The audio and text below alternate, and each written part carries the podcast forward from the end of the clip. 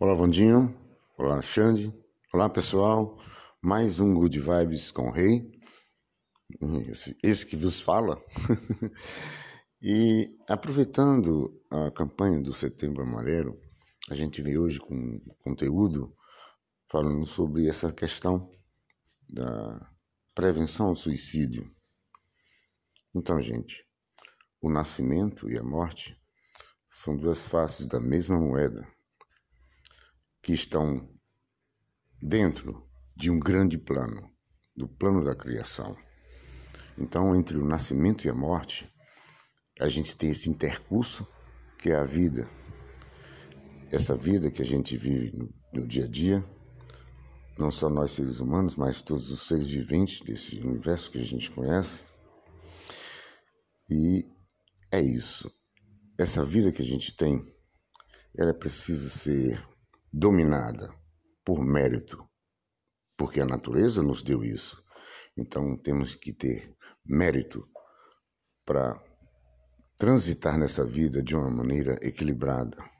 Porém, formas mentais negativas é, aprisionam a gente de certa forma, que a gente parece que cai numa armadilha, e essa armadilha que a gente cai parece é avassaladora, é difícil de a gente sair.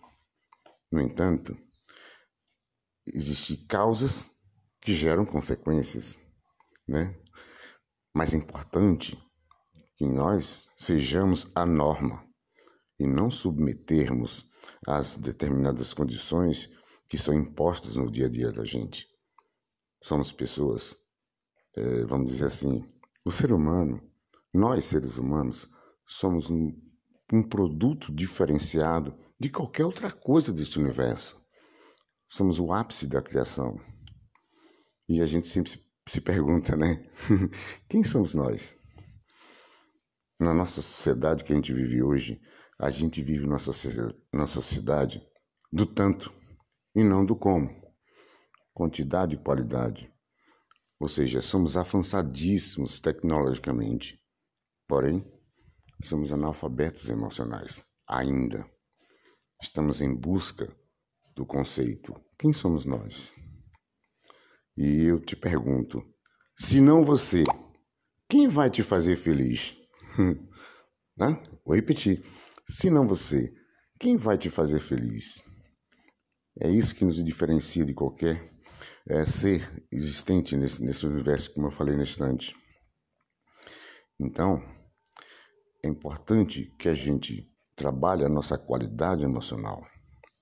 Claro, somos suscetíveis aos erros e acertos.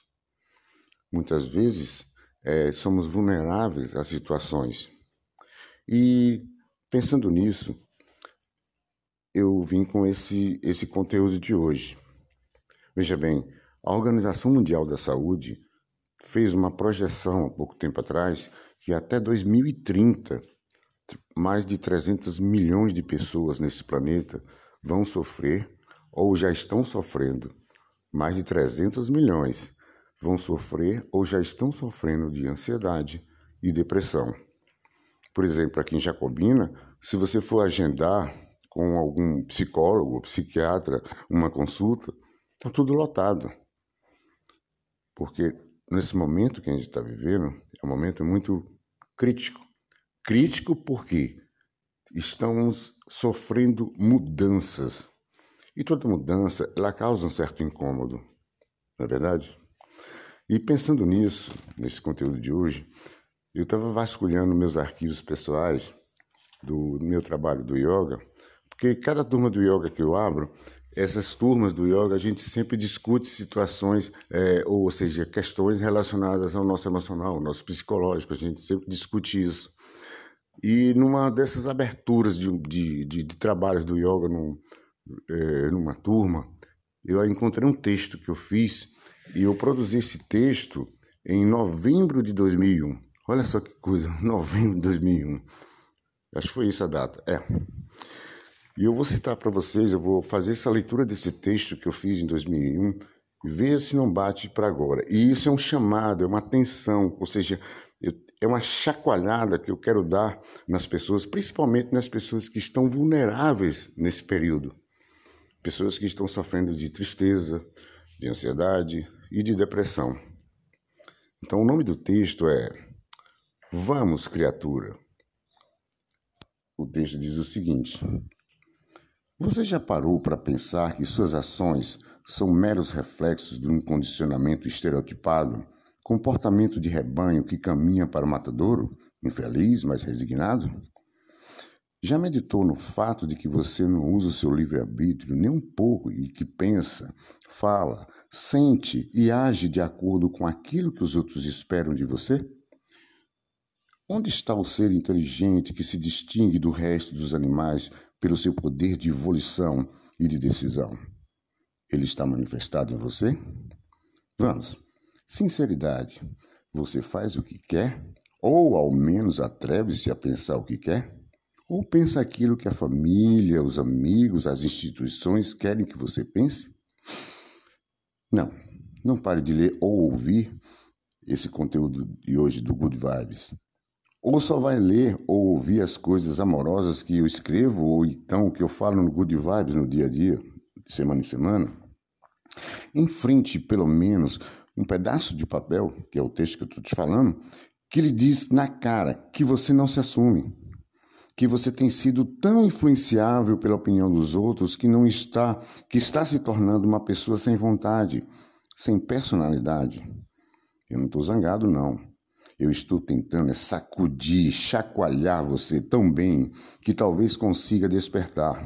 Afinal, você é inteligente e sabe a enorme variedade de doenças físicas e psíquicas que advém da frustração, da automentira, da infelicidade crônica do dia a dia sem sentido, de estresse causado pela rotina medíocre e mesquinha. Você já achou o sentido da sua vida? A vida, gente, é dinamismo, é movimento e não estagnação, que nem água parada numa poça. Estagne-se pelo medo de agir e se deteriorará como as tantas esposas e mães de terem deixado se arrebatar por uma grande causa. E hoje trazem no semblante os vincos indeléveis de uma infelicidade incurável.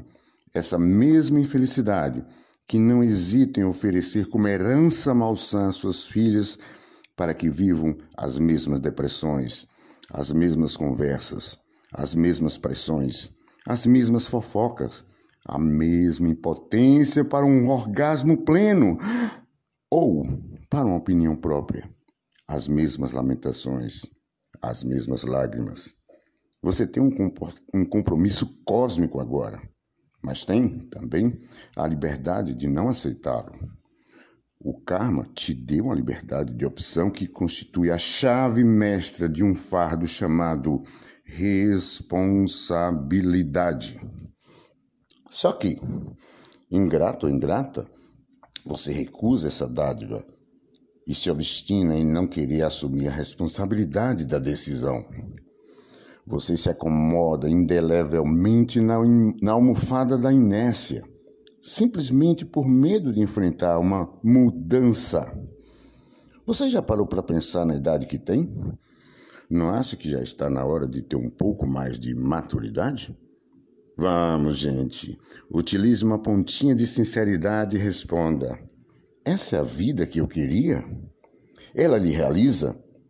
Você já parou, ou seja, você já pensou como é que vai ser o seu futuro se tudo continuar nessa covardia e nessa acomodação? Vamos, criatura, aventure-se, corra o risco que a vida é isso. A vida vale a pena quando se tem uma boa causa para que se possa sorrir ou chorar, pela qual se possa viver ou morrer. O texto é esse, gente. Vamos, criatura. Produzi esse texto em novembro de 2001 no, no Yoga. E para a gente fechar com chave de ouro é, o nosso quadro de hoje, como sempre, uma frase de um cara chamado Eduardo Marinho. É, ele tem uma vida inusitada, tem muita sabedoria para oferecer para a gente. Se você quiser, pesquise na internet, Eduardo Marinho. E a frase dele, que me significou bastante, foi o seguinte: abre aspas.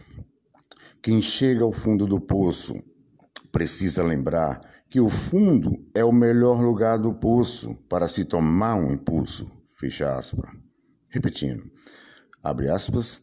Quem chega ao fundo do poço precisa lembrar que o fundo é o melhor lugar do poço para se tomar impulso. Fecha aspas. Eduardo Marinho. Então, o nosso quadro de hoje, esse conteúdo foi esse. Eu espero que vocês tomem ciência, eh, principalmente as pessoas que estão na sensibilidade nesse período, ouçam essas palavras e reflitam. Valeu, gente. Um beijão. Tchau.